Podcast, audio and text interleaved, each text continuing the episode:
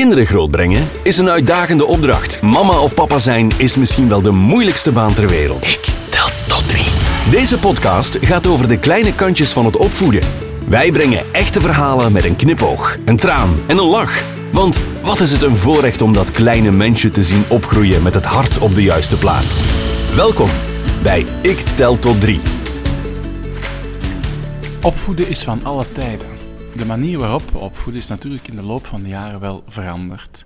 Ik ben Steven Gillis en voor deze podcastaflevering ging ik in het hartje van de Kempen op zoek naar grootouders om met hen te praten over de opvoeding die zij kregen en de opvoeding die hun kleinkinderen anno 2019 krijgen. Eerst sprak ik met een oma. Wat waren de accenten die jouw ouders legden in de opvoeding van jou? En als je dan nu gaat kijken, je bent oma, je hebt ook accenten gelegd in de opvoeding van jouw kinderen en zij leggen ook weer klemtonen op hun boord in de opvoeding van hun kinderen. Zie je daar verschillen? Zie je daar gelijkenissen? Ben ik heel benieuwd naar. Ik zie daar veel gelijkenissen in. Uh, de waarde van mijn ouders uh, heb ik doorgegeven aan mijn kinderen. En ik zie dat mijn dochter die waarde ook doorgeeft naar mijn kleinkinderen. Uh, bij ons was ook heel belangrijk dat wij als gezin samen dingen deden. En ook qua voeding. Mijn moeder die had een grote tuin. Die haalde alles uit een tuin, dat ook heel belangrijk was. En ik heb dat ook bij mijn kinderen altijd gedaan. En ik zie dat mijn dochter ook altijd al eh, vers eten op tafel zet. Op die dingen was het heel belangrijk bij ons. Zijn er nog andere dingen die je herinnert van jouw kindertijd? Dingen waar je ouders echt achter stonden en ze zeggen van dat, dat vinden we heel erg uh, belangrijk. Uh, dat zijn de regels hier of daar gaan we voor in ons gezin? Uh, het was bij ons wel belangrijk dat wij het op school goed deden, dat wij werkten voor de school heb ik ook doorgegeven aan mijn kinderen. En ik zie nu hetzelfde bij mijn kleinkinderen. En ja, ik denk wel dat we allemaal wel een beetje goed terechtgekomen zijn. En vind ik wel heel fijn. Dus je ziet toch wel een heel groot aantal dingen terugkomen in jouw opvoeding en dan in de opvoeding van jouw kinderen. Denk je dat uh, het opvoeden van kinderen veranderd is? Hoe is het anno 2019 volgens jou vanuit je blik als grootmoeder om kinderen op te voeden? Uh, wij zijn van thuis uit, uh, hebben wij ook alles zien komen. De auto, de tv, alles is uh, beginnen evolueren. En uh, gelijk nu met die computers en zo, de kinderen zijn zo begaan en zitten altijd op de tablets te spelen. Dat ik bij mijn dochter ook zeg, zij stelt daar een periode voor in, een tijd voor in, dat ze erop mogen. En ze, zeker niet dagelijks. En dat vind ik wel heel positief.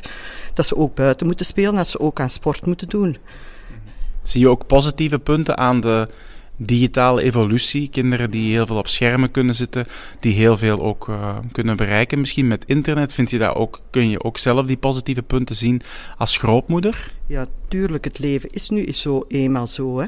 En uh, ze moeten wel mee, want als je dat tegen gaat houden volledig, hè, dan kunnen de kinderen om de duur niet meer mee. En dat is ook natuurlijk niet positief. Hè. Het leven evolueert zodanig dat uh, in de toekomst alles via de computer gaat.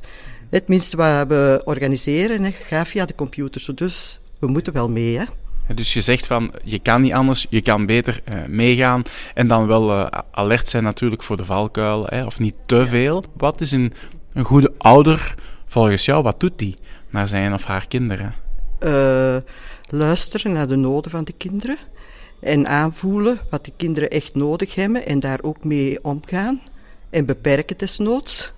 Vind ik heel belangrijk. Hè. Dat is een heel mooie afsluiter. Dank je wel voor je tijd. Dank u. Goedemiddag. Hoe herinner jij jouw kindertijd eigenlijk?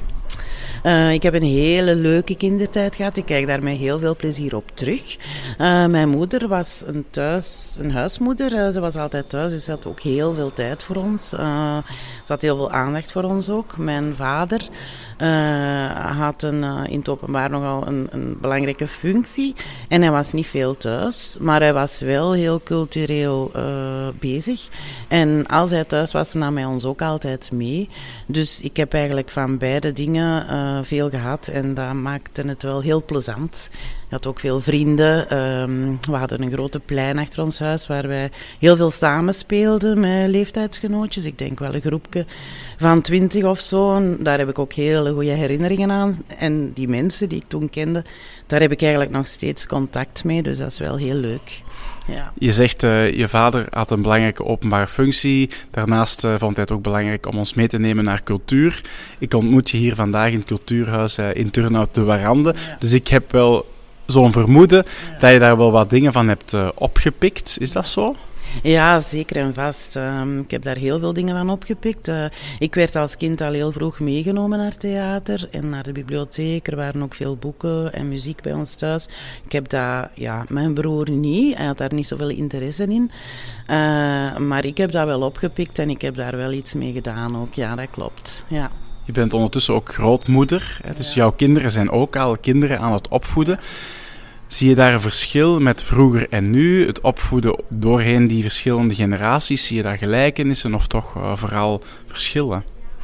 Uh, ja, allebei wel, denk ik. Uh, ik. Ik denk wel, het is wel een groot verschil. Ik ben nu zelf een oma, maar ik heb geen tijd om mijn kleinkindjes op te vangen. Dat is al een heel groot verschil, denk ik.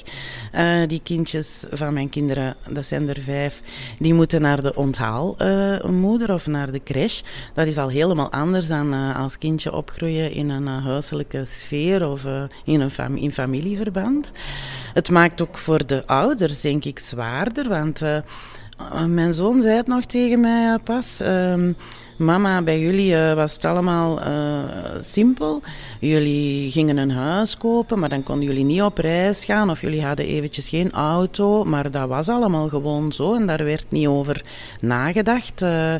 En voor een stuk maakte het dat ook wel eenvoudiger en rustiger. Maar nu, wij willen alles. Uh, wij willen carrière maken, wij willen een sociale vriendenkring, wij willen ook nog op reis en we willen liefst deze jaar nog een huis.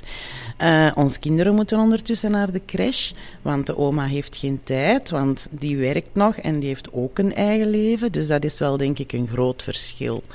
Uh, en dan denk ik dat de druk op de mensen wel groter maakt. Uh, anderzijds uh, merk ik ook wel dat mijn kinderen wel heel bewust ook met hun kinderen omgaan. En uh, misschien ja, toch ook wel heel veel leuke momenten samen beleven en bewuster ook uh, daarmee omgaan. Terwijl het bij ons vaak gewoon toch mee doorging, of bij mij. Uh, omdat het moest en omdat het zo was. Heb ik nu de indruk dat mijn kinderen bewuster met hun kinderen omgaan en bewuster kiezen om daar tijd mee door te brengen. Dus. Je zegt ouders vandaag hebben bewust of maken bewust tijd om echt in verbinding te gaan met kinderen, dingen samen te doen. Je omschrijft ook de FOMO, de fear of missing out. Um, we willen heel veel en liefst vandaag nog. We zijn uh, van oordeel dat geluk maakbaar is. Is dat de grootste uitdaging volgens jou in de maatschappij van vandaag, 2019? Dat er heel veel moet, dat er druk is en dat, dat was, was daar volgens jou het effect van op kinderen? Uh, ik denk dat die kinderen, als die ouders bijvoorbeeld uh, overspannen zouden worden of zo, dat die kinderen dat zeker wel zouden voelen. Ik denk dat het helemaal anders is voor een kind om te leven bij ouders die het rustig hebben en tijd hebben, dan te leven in een uh, stressvolle uh, dag. Uh, maar ik denk dat die jongeren wel in staat zijn. Die zijn ook veel soepeler, denk ik, dan wij. Zij moeten ook wel keuzes maken. Dus als zij dat doen, dan is dat niet per se slechter, denk ik. Maar de grootste uitdaging lijkt mij een evenwicht te vinden tussen Um, wat wil ik echt hebben en waar wil ik echt mee bezig zijn? Je bent ervaringsdeskundige. Afsluitend vraagje, ervarings, er, ervaringsdeskundige op vlak van opvoeding. Je bent zelf kind geweest, dus je hebt een opvoeding genoten. Je bent dan de mama geworden, je hebt aan jouw kinderen opvoeding gegeven. En nu zit je in nog een andere rol. Als grootmoeder zie je jouw kinderen, jouw kleinkinderen uh, opvoeden. Wat is zo'n tip voor jonge ouders, voor de luisteraars, waar je van zegt van dat is toch wel iets wat ik heel erg belangrijk vind als uh, mama als papa vandaag de dag? Wat ik altijd heel belangrijk heb gevonden en wat ik denk dat belangrijk is, is dat je altijd goed kijkt of je kindjes wel gelukkig zijn en nog genoeg lachen en nog genoeg plezier hebben in hun leven. En als dat niet zo is, is nadenken hoe dat misschien komt, want dat is toch wel heel belangrijk, denk ik. En hoe kan je kinderen laten lachen als je ziet dat ze niet meer lachen? Wat is dan volgens jou heel erg belangrijk? Wat moeten ouders dan doen? Ja, eh, eh, denk ik uh, praten of eens luisteren naar de kindjes en zich afvragen hoe het komt dat ze niet meer lachen. En dan toch wel iets aan de situatie veranderen, denk ik. En dan liefst met anderen ook, hè? want it takes a village to raise a child. Zeggen we wel eens, het is belangrijk dat er ook andere figuren rond kinderen zijn. Vind je dat ook? Ja, dat vind ik zeker. Kinderen hebben ook vriendjes nodig hè? en familie misschien. Um, want dat is ook anders dan bij ons. Wij waren als kind veel aangewezen op tantes en onkels. Maar ik zie bij mijn kinderen dat, dat, dat die entourage ook meer bestaat uit vrienden. Ja. En uh, dat, dat is ook wel goed. Dat, dat heeft ook voordeel. Dat is misschien een beetje anders. Maar ik denk dat het wel belangrijk is voor kinderen om, ja, om serieus genomen te worden ook. En om, om ja, uh, dat de ouders kijken van, is mijn kind nog gelukkig? waarom niet en wat kan ik eraan doen dat dat toch wel beter wordt. Heel erg bedankt voor al jouw uh, open antwoorden. Graag gedaan. En aan het einde van de dag kreeg ik ook nog een opa te pakken. Zijn naam is Edward en hij heeft drie kleinkinderen. Goedemiddag, Edward. Ik zou je eens graag willen uh, vragen: hoe zag jouw kindertijd eruit en wat, welke waarden wouden jouw ouders jou meegeven? Ja, ik heb een geweldige kindertijd gehad. Mijn ouders hebben me eigenlijk redelijk vrij gelaten in doen en laten. En uh, ze waren voor mij ook een goed voorbeeld van, van principes en hoe het leven eigenlijk in elkaar stak. En ook dankzij mijn grootouders heb ik er een heel belangrijke invulling mee gehad. Je grootouders waren mee betrokken in de opvoeding. Zie je dat uh, nu ook, uh, dat jij betrokken bent in de opvoeding van jouw kleinkinderen? En hoe voeden zij hun kinderen vandaag de dag op?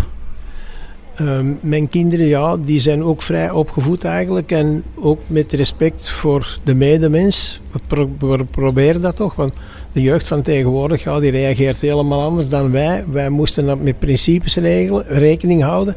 En onze kinderen, ja, die zijn vrij eigenlijk. Die zijn vrijgevochten en die denken dat misschien meer alles mag dan dat alles kan. Zie je ook voordeel aan die vrijheid vandaag de dag? Of vooral nadelen? Ik vind wel dat de vrijheden dat die een voordeel zijn eigenlijk om persoonlijke ontwikkeling tot volle ontplooiing te laten komen.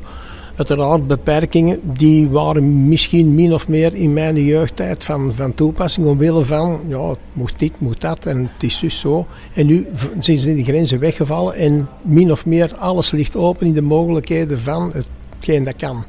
Je zegt kinderen en volwassenen hebben vandaag de dag veel meer mogelijkheden. Dat is goed, maar daar zit ook een valkuil aan.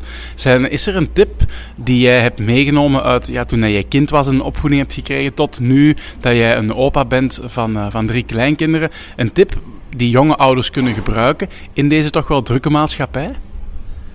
Uh, ik zou het direct niet weten eigenlijk. Ja, bezorgdheid eigenlijk om wat er zou kunnen gebeuren eventueel. Maar van de andere kant ook vertrouwen in de jeugd die het tenslotte de toekomst uitmaakt. En die het eigenlijk naar mijn gevoel, rekening houden met ons drie kleinkinderen, dat die dat goed doen. Dus vertrouwen hebben in de kinderen en de, kennis en de vaardigheden wel naar waarde.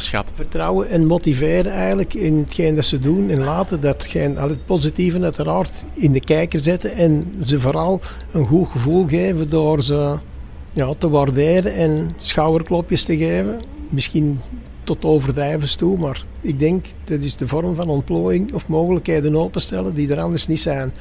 Als je veel moet en weinig moogt, ja, dan blijf je beperkt. Hè. Ik zie dat uw ogen een beetje flikkeren als je begint te praten over die positieve bekrachtigingen toch nabij zijn uh, bij kinderen. Hoe belangrijk is dat voor jou, een slotvraagje, om uh, samen dingen te doen met kinderen of met kleinkinderen? Ja, uh, samen doen, dat wil zeggen eigenlijk leren omgaan met elkaar en ook ergens samen iets opbouwen. Ik, ga er altijd vanuit van het standpunt, we kunnen, iets, we kunnen altijd van elkaar iets leren. En hoe ouder de opa wordt en hoe ouder de kleinkinderen worden, hoe meer dat de opa van de kleinkinderen kan leren. En vroeger was dat andersom. Hele mooie woorden om mee te eindigen. Dankjewel Edward voor uh, je bijdrage. Dat is, heel graag, dat is heel graag gedaan. Dit was Ik Tel Tot 3, de podcast over echt ouderschap. Abonneer je voor nieuwe afleveringen. Reageer of stuur ons een berichtje op ikteltot3.be. Vergeet niet, je staat er niet alleen voor, want it takes a village to raise a child.